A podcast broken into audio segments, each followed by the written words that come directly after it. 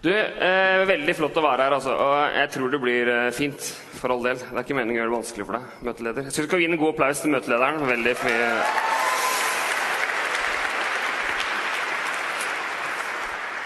Jeg bare tar av den, faktisk. Sånn. Um, jeg har lyst til å fortelle en historie om en gang eh, jeg var, gikk i femte klasse. Vil si sjette klasse i våre dager. Og ehm, eh, det var klassens første hjemme alene-fest. Har dere hatt en sånn noen gang? Første gang vi skulle være hjemme uten at foreldrene skulle være der. Og eh, det var hjemme hos Heidi. Og eh, hun hadde invitert eh, klassen. Og eh, det begynte å bli seint. Klokka var eh, halv åtte. Vi hadde spist potetgull og, og gelé og sjokoladepudding. og Det var god stemning, og eh, vi hadde lekt nødt og sannhet. Og noen hadde til og med begynt å danse roligdans. Det var på den tida Whitney Houston hadde en kjempehit med sangen 'And I Will Always Love You'. Og den gikk i bakgrunnen på den festen hele den kvelden. Den bare gikk og gikk, og Lars, han kule i klassen, han med de store musklene, han som var litt sånn bølle, han hadde fått seg kjæreste. Han hadde spurt på sjans på Heidi, kveldens vertinne, og hun hadde sagt ja, og de hadde blitt kjærester, og Lars kom til meg og sa, Erik, du har ikke tenkt å spørre på sjans på noen, du, da? Og jeg tenkte, nei, det har jeg ikke tenkt på, men eh, kanskje jeg skal gjøre det? Så vi gikk gjennom klassen, liksom. Det var ikke så veldig mange å velge mellom. Linn, Marte, Heidi. Hun var allerede opptatt, hun andre Heidi. Så kom liksom til slutten av lista, det var seks stykker, og jeg tenkte nei, jeg vet ikke helt. Men så var det ei der som het Guro. Og Guro hun var, hadde egentlig ikke lov til å være der fordi hun var ett år yngre. Men hun kjente Heidi, kveldens vertinne, så hun hadde blitt invitert med, og jeg tenkte Guro, Guro kan jeg spørre på sjans. Hun er alle guttenes drøm. Guro, hun er så flott. Faren hennes er byggmester, og hvis det blir oss, så kommer det til å ordne seg. Så jeg sa til Lars ok, Lars, Lars, spør Guro på sjans for meg. Så Lars spurte Pål, så spurte Jon, så ga beskjed til Bjarne, så sa fra til Pål.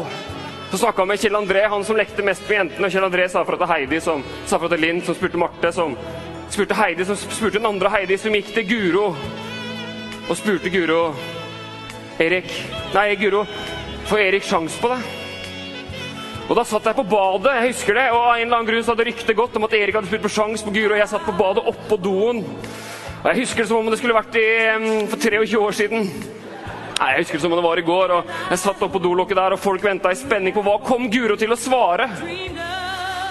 Og så hadde hun bestemt seg, så hun ga beskjed til Heidi, som sa fra til Marte, som sa fra til Linn, som sa fra til Og så kom etter hvert beskjeden til badet at Erik, Guro syns du er veldig fin og, og, og bra, men hun svarer nei.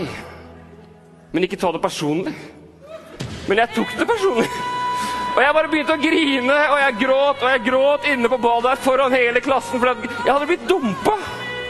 Jeg hadde blitt avvist, jeg hadde lagt ut mitt liv, jeg hadde bretta det ut. Jeg hadde sagt 'Vil du ha meg?' Og hun svarte nei. Men ikke ta det personlig. Men hvordan er det mulig å ikke ta det personlig? Så jeg gråt, og jeg gråt. Og så Etter hvert så gikk beskjeden om at dette hadde skjedd. Og så kom beskjeden tilbake. Ja, OK, da. og så var Guro og jeg kjærester i ett og et halvt døgn. Det var fantastisk. Og eh, For et døgn det var. Ja, det var helt, helt rått, det døgnet der. Og eh, Det er jo en morsom historie, men den gangen på badet der, når jeg gråt Altså, de tårene var jo reelle. Er det noen av dere som har blitt avvist noen gang? Som eh, har fått et nei? Eller som eh, har spurt om et eller annet, og så har du blitt, blitt vendt ryggen til? Eh, jeg har det. Og det gjør faktisk ganske vondt. Enten om man spør på sjans i 5. klasse, eller om man eller om det er snakk om mye, mye større ting. Vi lurer alle på er det noen som liker meg. Er jeg bra? Er jeg verdt å elske? Er jeg vakker? Er jeg bra nok? Presterer jeg? Får jeg det til? Klarer jeg livet mitt? Og Det er ikke bare noe man lurer på når man går i 5. klasse, men, eller når man er 13, eller 20 eller 35. Men det er noe man lurer på hele livet. Er jeg bra? Er jeg elska? Er jeg verdifull? Og så er det så mange forventninger om hvordan du skal være. Så mange krav. Du må prestere på skolen, komme med bra karakterer. Du må ta vare på kroppen din, og det er viktig. Jeg snakka om det her på onsdag. Selvfølgelig er det viktig å ta vare på kroppen sin, men du må se bra ut. Og du må spise sunt. Og du må trene.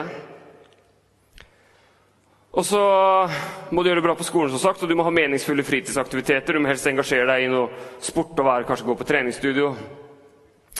Så må du ha en plan for livet ditt. Og så må du ta deg sammen sånn at du klarer å prestere. Og de forventningene som vi har Noen ganger kommer de innenfra, fra oss sjøl. Og noen ganger er det ikke lett å vite hvor de kommer fra. Kanskje kommer de fra venner. Eller lærere. Eller foreldre, kanskje. Det er noen som sier at vi gutter eksempel, vi lever hele vårt liv for å gjøre pappa stolt. Hele livet gjør vi det. Selv om han dør, så lever alle menn for å gjøre pappa stolt. Det fins så mange krav og så mange forventninger om hvordan vi skal være og oppføre oss. Det som er trist, det er at mange tenker, eller en del tror, at Gud er en sånn som også står og forventer og forlanger og krever. Jeg vet ikke hva du kom inn i domkirka her med av forventning til dette møtet. Kanskje du, står, kanskje du aldri har vært på et kristent møte og du står og lurer på hva som skjer når de synger og de lukker øynene og du synes det er Hva slags tanke har du om Gud? Tenker du, hvem tenker du Gud er?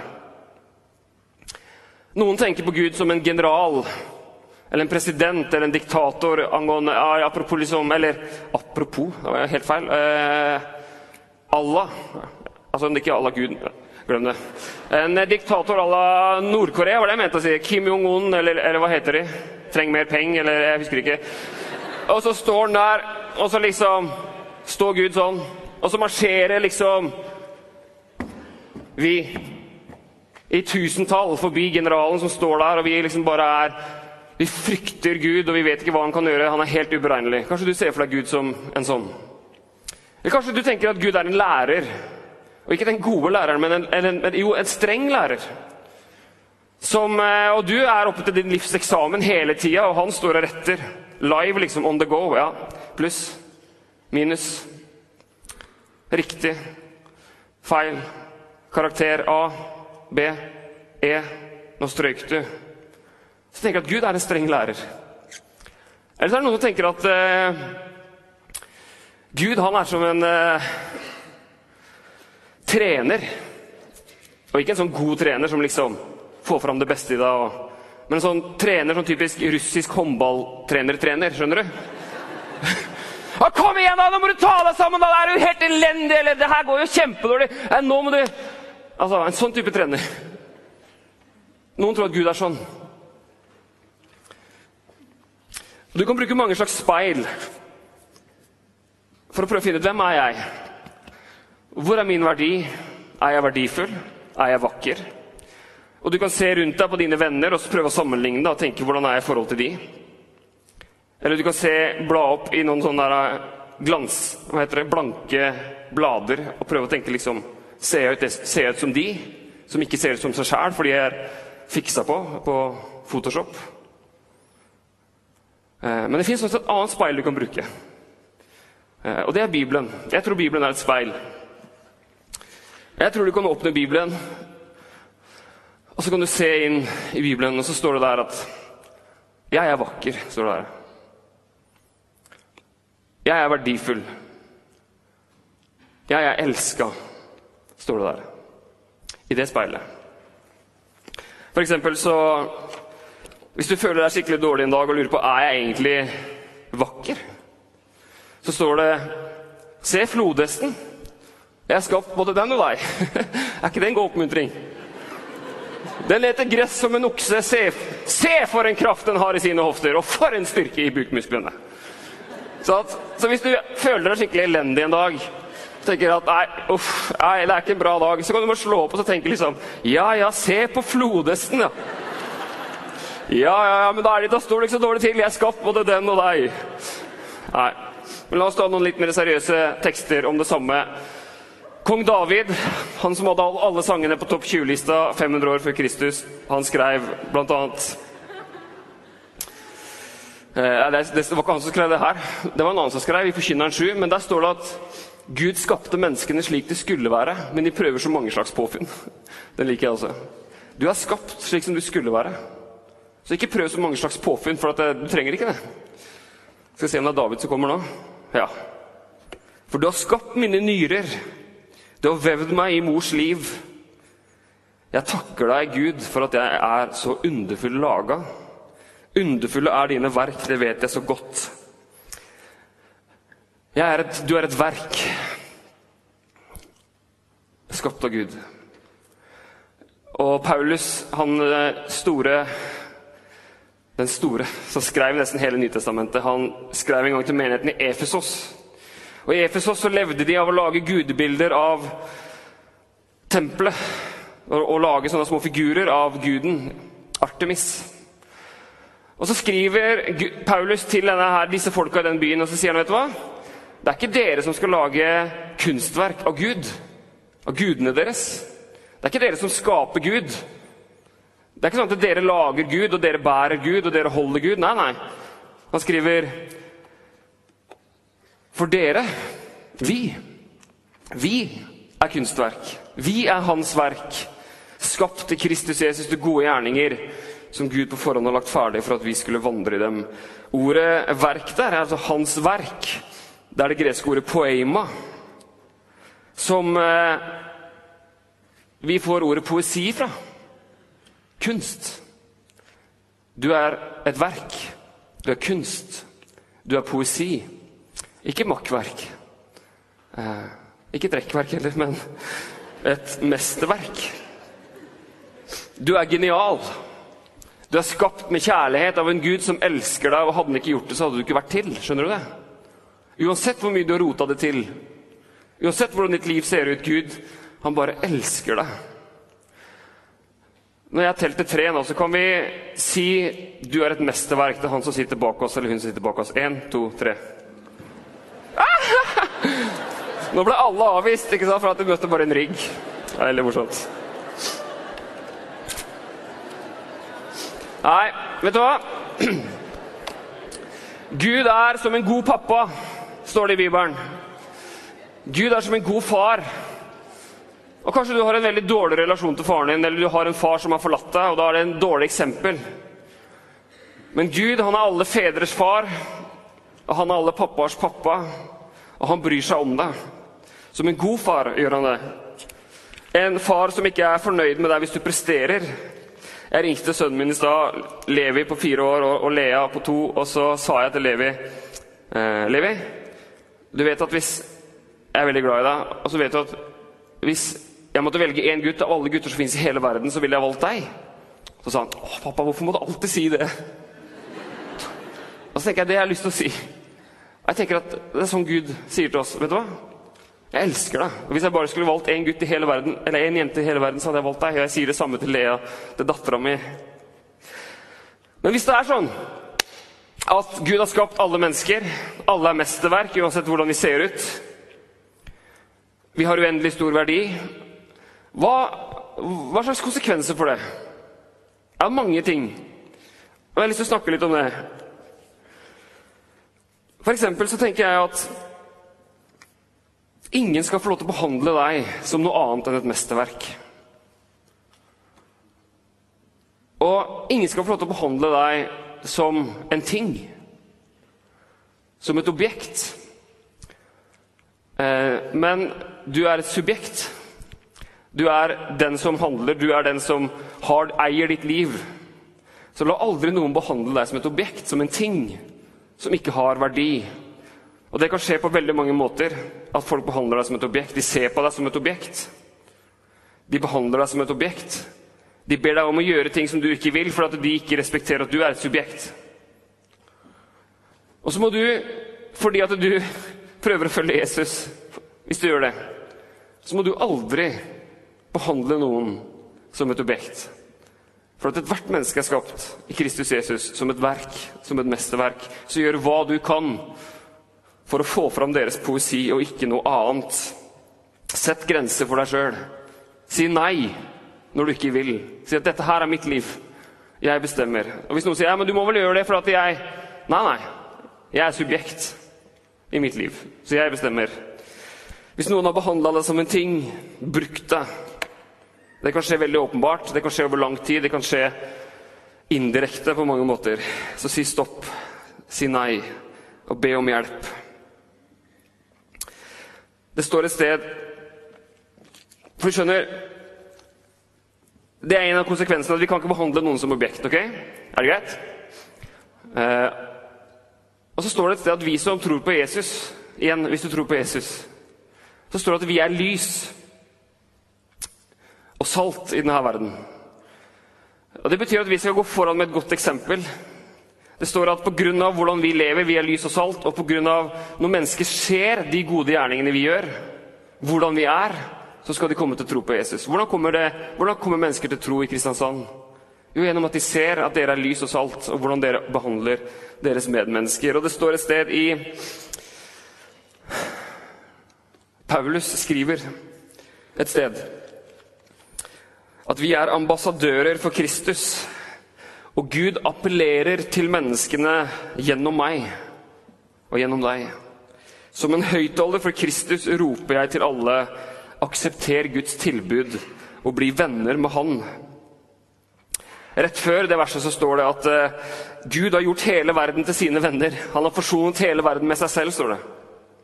Han er glad i alle, og han vil, at, han vil at alle mennesker skal si ja til hans venneforespørsel. Han har sendt ut venneforespørsel til absolutt alle. Og så er det opp til oss da, om vi vil trykke ja eller nei. Men det vi skal gjøre, vi som er her inne, vi skal gå ut i verden og si vet du hva, Gud har ikke noe imot deg. Gud elsker deg. Du er et mesterverk, og han, Gud har sendt en venneforespørsel til deg. Vil du si ja? Og Kanskje du er her inne og ikke har sagt ja til den venneforespørselen ennå. Så kanskje i kveld skal du si ok, Gud, jeg har lyst til å trykke ja på den venneforespørselen. Si ja til å ha deg som far. Eller det har jeg allerede, kanskje, men jeg har lyst til å være bevisst det. Men det står ambassadør. Hva er det for noe? Altså, I Norge så har vi en konge. Han ser sånn ut. Helt konge. Eh, han heter Harald. Og si at Harald har lyst til å være på flere steder samtidig. Men det går jo ikke, ikke sant? Men da kan han sende en ambassadør for seg selv. For å representere seg selv. Her er f.eks. Vegger Strømmen. Han er ambassadør i USA. Han, helt, han er helt ambassadør. Så han er i USA og så Se at kongen er her. ikke sant? Vår konge. kan ta bort bildet av han nå. Så, så, her er kong Harald. Rex. Så tenker han men jeg har jo lyst til å være der borte også, men jeg må jo være her. Så sender han en ambassadør. Og så er ambassadøren her borte. Og så må han tenke hva ville kongen gjort om han var her nå? Hva ville kongen sagt om han var her? Hva ville kongen brydd seg om om han var her? Og så har ambassadøren mandat og mulighet til å gjøre det kongen hadde gjort og ville gjort. Og det er det, det er det, som er hans oppgave. Så sier denne teksten at vi er Guds ambassadører, utsendt med autoritet fra Jesus for å gjøre det han ville gjort og brydde oss om de han ville brydd seg om, og sagt det om andre som Jesus ville sagt. Jeg vet ikke hva slags skole du går på. Ikke, jeg, jeg, jeg, pleier ikke å gjøre sånn, men hvis jeg teller til tre, så sier du navnet på skolen du går på. Én, to, tre. Ikke sant? Der går du. Og det betyr at hvis du tror på Jesus, så er du en ambassadør for Jesus på den skolen der. Jesus har sendt deg Så da skal du være på den skolen så skal du tenke hva ville Jesus gjort hvis han var her? Hvem ville han brydd seg om? Hva ville han sagt? Jeg har noen ganger tenkt at det hadde vært kult å lage sånn bånd som det sto liksom What would Jesus do? Liksom, og så kunne man godt ha minnet seg sjøl på det. Det hadde sikkert blitt en kjempesalgssuksess. Men for å se på teksten igjen, da. Jeg er en ambassadør. Og så står det en ting til. En høyttaler, står det. Jeg er en høyttaler for eh, Kristus. Det er en omskriving, det verste, det skjønner dere. Men en høyttaler her vi en høyttaler. Håper ikke lydmannen blir sur hvis jeg løfter den opp. Ja, det var lang ledning. Kjempebra. Altså, vi, Du og jeg er en høyttaler. Vi går rundt, og så er vi høyttalere. Er du klar over det? Ja, ja. Vi er høyttalere for Jesus, skjønner du? Eh, og eh, Spørsmålet er jo da hva slags lyd er det som kommer ut her? Altså Hvis vi er ambassadører, hva er det, hva er det som sendes på denne kanalen? Og eh, Det som er problemet skjønner du, til kongen, det er at det, det er ikke han aleine som styrer hva som kommer ut der, men det går via meg. Og deg. Så det blir veldig tungt hvis jeg skal tale resten av Jeg tror jeg legger ned igjen. Hva er det som kommer ut på vår høyttaler?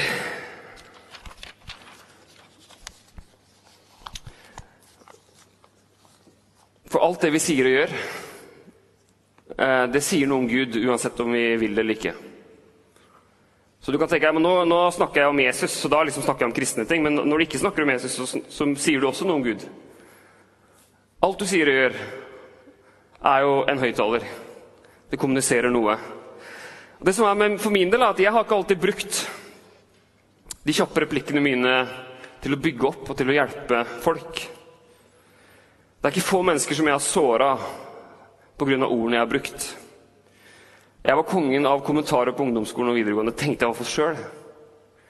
Og folk lo, og det var morsomt. Men jeg visste også at noen gråt. Eh, og Hvis jeg tar en liten sånn undersøkelse her nå Hvor mange er det som har slengt en kommentar som de vet har såra noen? Opp med noen. Ja, og Resten av dere kan vi be for etterpå, og be bønn om tilgivelse og løgnere, altså. Hvor mange har opplevd kommentarer som er sårende fra noen? Ja. Jeg snakker ikke bare om sånn vennskapelig vitsing, jeg snakker om noe annet. Når jeg gikk på ungdomsskolen, så var jeg nesten den eneste kristne i alle fall som jeg visste om. Og jeg var veldig ivrig. Jeg var superivrig kristen, og jeg var, gikk med krikkgenser, og jeg diskuterte. og Jeg fikk eh, beste karakter i KRL fordi læreren sa at du er den eneste jeg kan diskutere dåpssyn med. Og jeg tenkte at det er fordi jeg tilhører Misjonsforbundet, og vi er åpne for det meste. Og, ja. Men eh, Og så brukte jeg mine ord ikke bare på gode ting. Men jeg var veldig ivrig i menigheten. Jeg gikk med krikkgenser, som sagt. Jeg var på Speideren hver tirsdag. Enten jeg ville eller ikke, fordi mamma var troppsleder. Og jeg prøvde etter beste evne å tjene Gud og hjelpe andre å leve til speiderloven. Er det noen flere speidere her? Konge. Vær beredt, eller hva heter det? Men i klassen vår så gikk Tom. Og han var litt mindre enn oss andre. Og det minna vi han ofte om. Eh, og vi sa ting som vi syntes var morsomt, til Tom.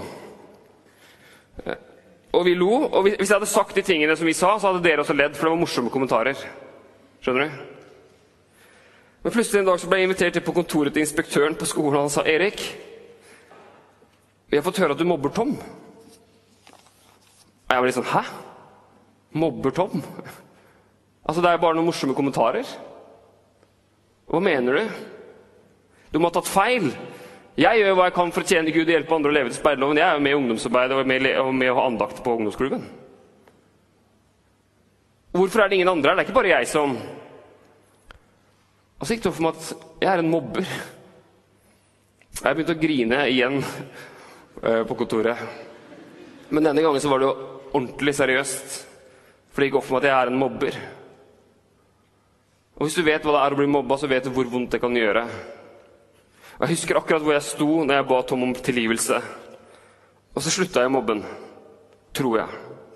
Jeg prøvde i hvert fall så godt jeg kunne. Og En del av oss som liker å bruke ord Vi må hele tida jobbe med å vurdere er det noe jeg ikke skal si. Uh, og en sommer for noen år siden så møtte jeg Tom igjen. Og jeg hadde ikke møtt ham på mange år. Og han jobba i, eh, i en butikk, i kassa.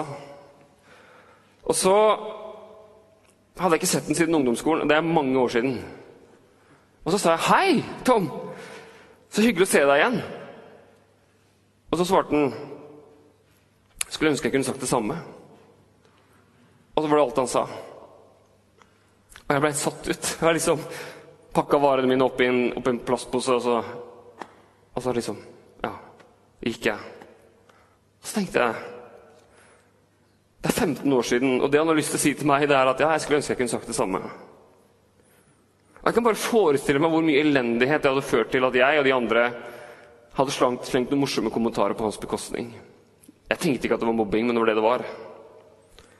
Og noen av dere vet hva det, hva det innebærer, som sagt. Når jeg kom hjem så, fra butikken, så søkte jeg opp navnet hans og sendte en lang melding til alle de numrene jeg tenkte kunne være hans, men jeg fikk aldri noe svar.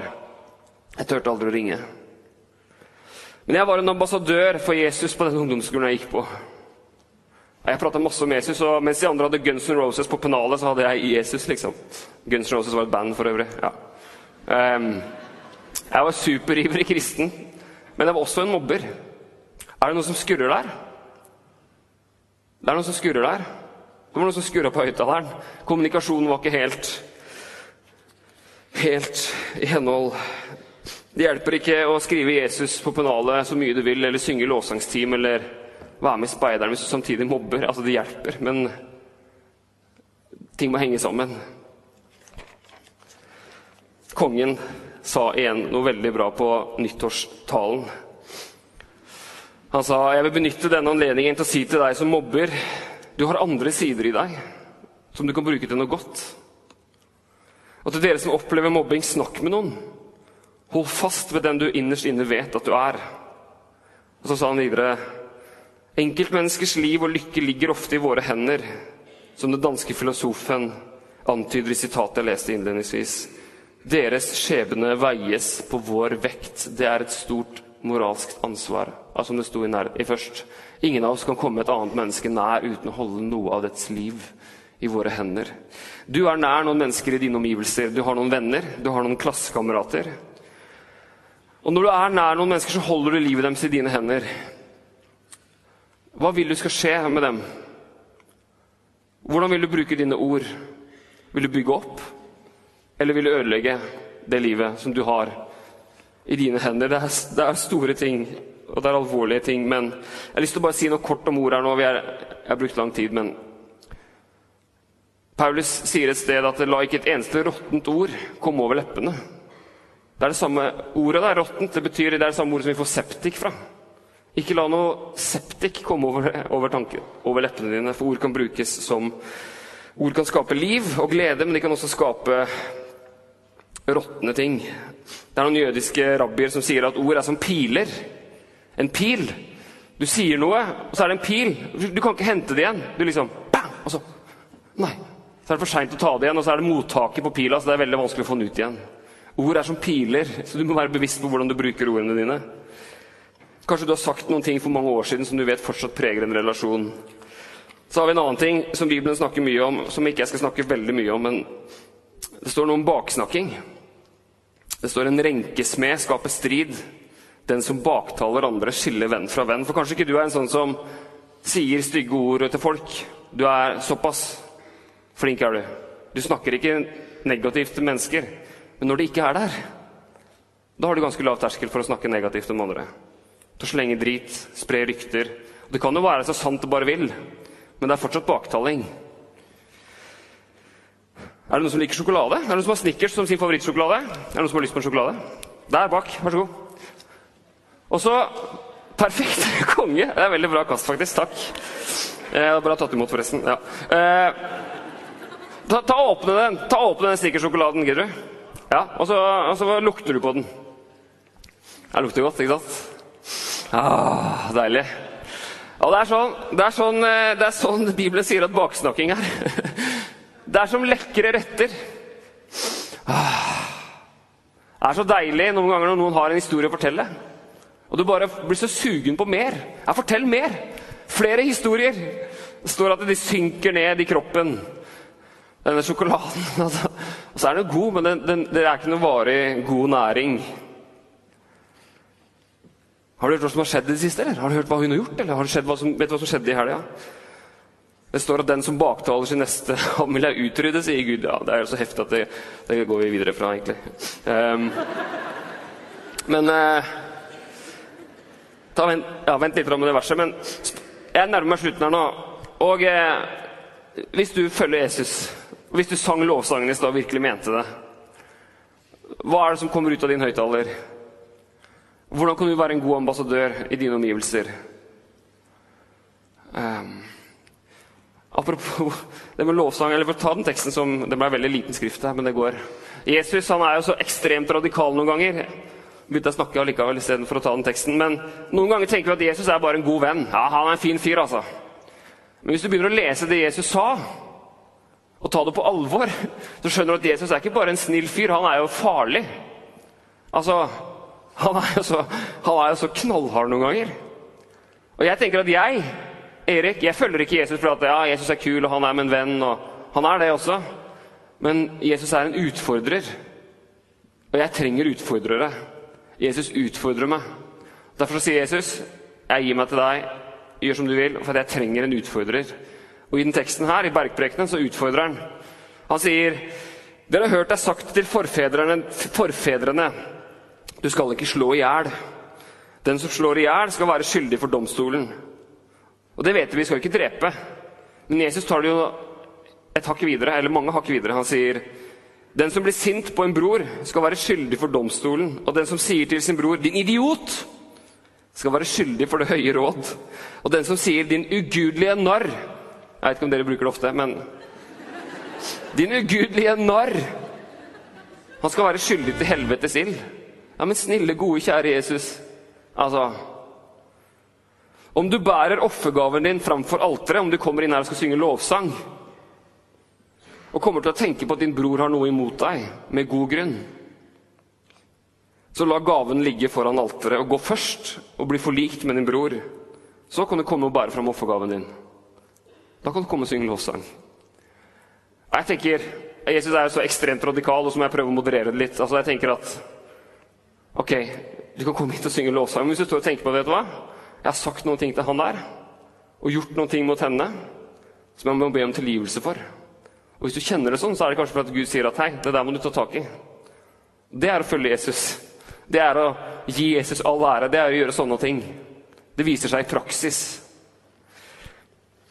Vi er lys og salt.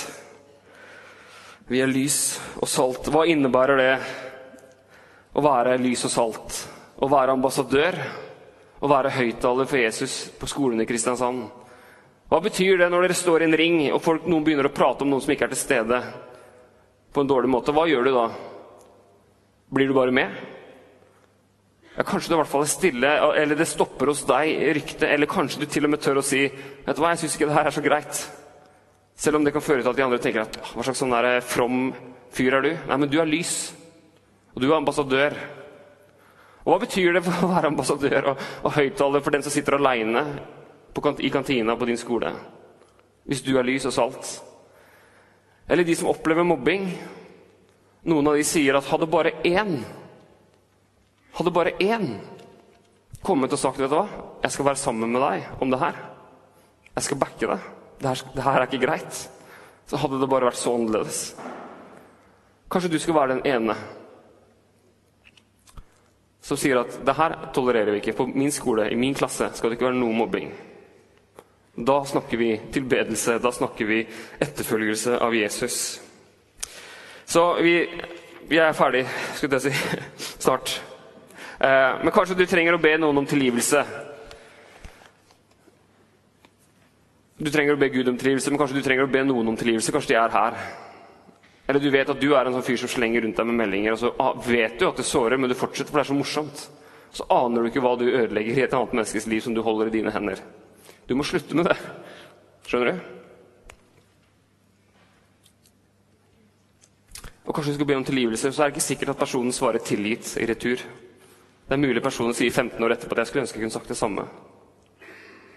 Nei, men Du kan be om tilgivelse likevel, men ikke forvent eller krev tilgivelse. Og så skal jeg be om at du alltid får dårlig samvittighet når du sier noe negativt, eller når du mobber, eller når du slenger dritt. Jeg skal be om at Gud må gi deg dårlig samvittighet.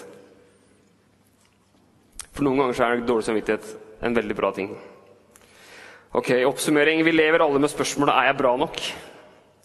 Det fins enormt mange krav og forventninger, og Gud sier at vet du hva, du er bra. Jeg elsker deg. Jeg har skapt deg i mitt bilde. Så Derfor så må vi behandle hverandre som mesterverk, for det er det vi er. for det er det vi er. Du trenger ikke å lure på hva Gud mener. Du har en uendelig stor verdi. Så la aldri, la aldri noen behandle deg som noe annet, og behandle aldri noen andre som noe annet.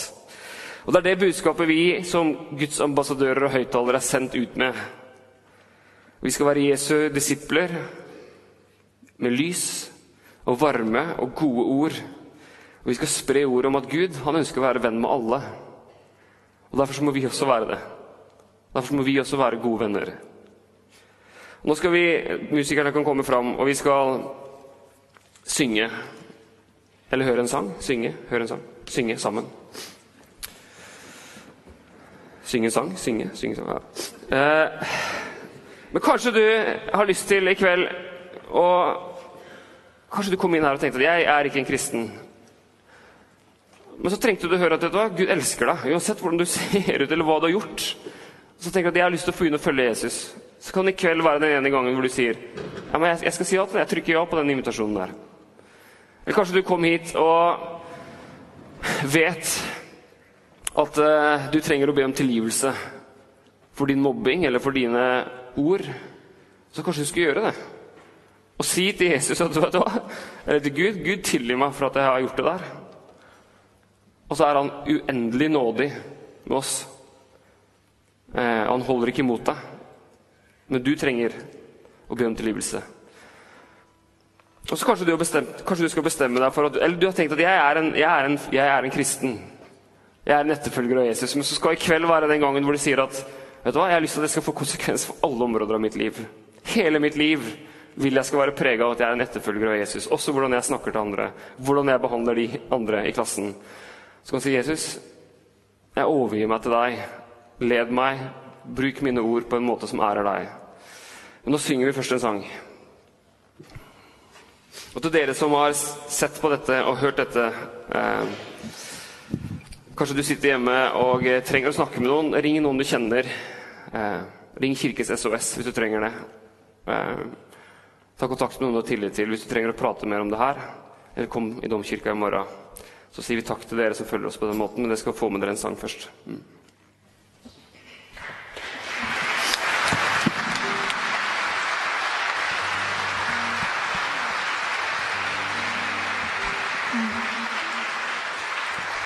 Reiser oss opp, gjør vi ikke det? Så låser vi litt sammen.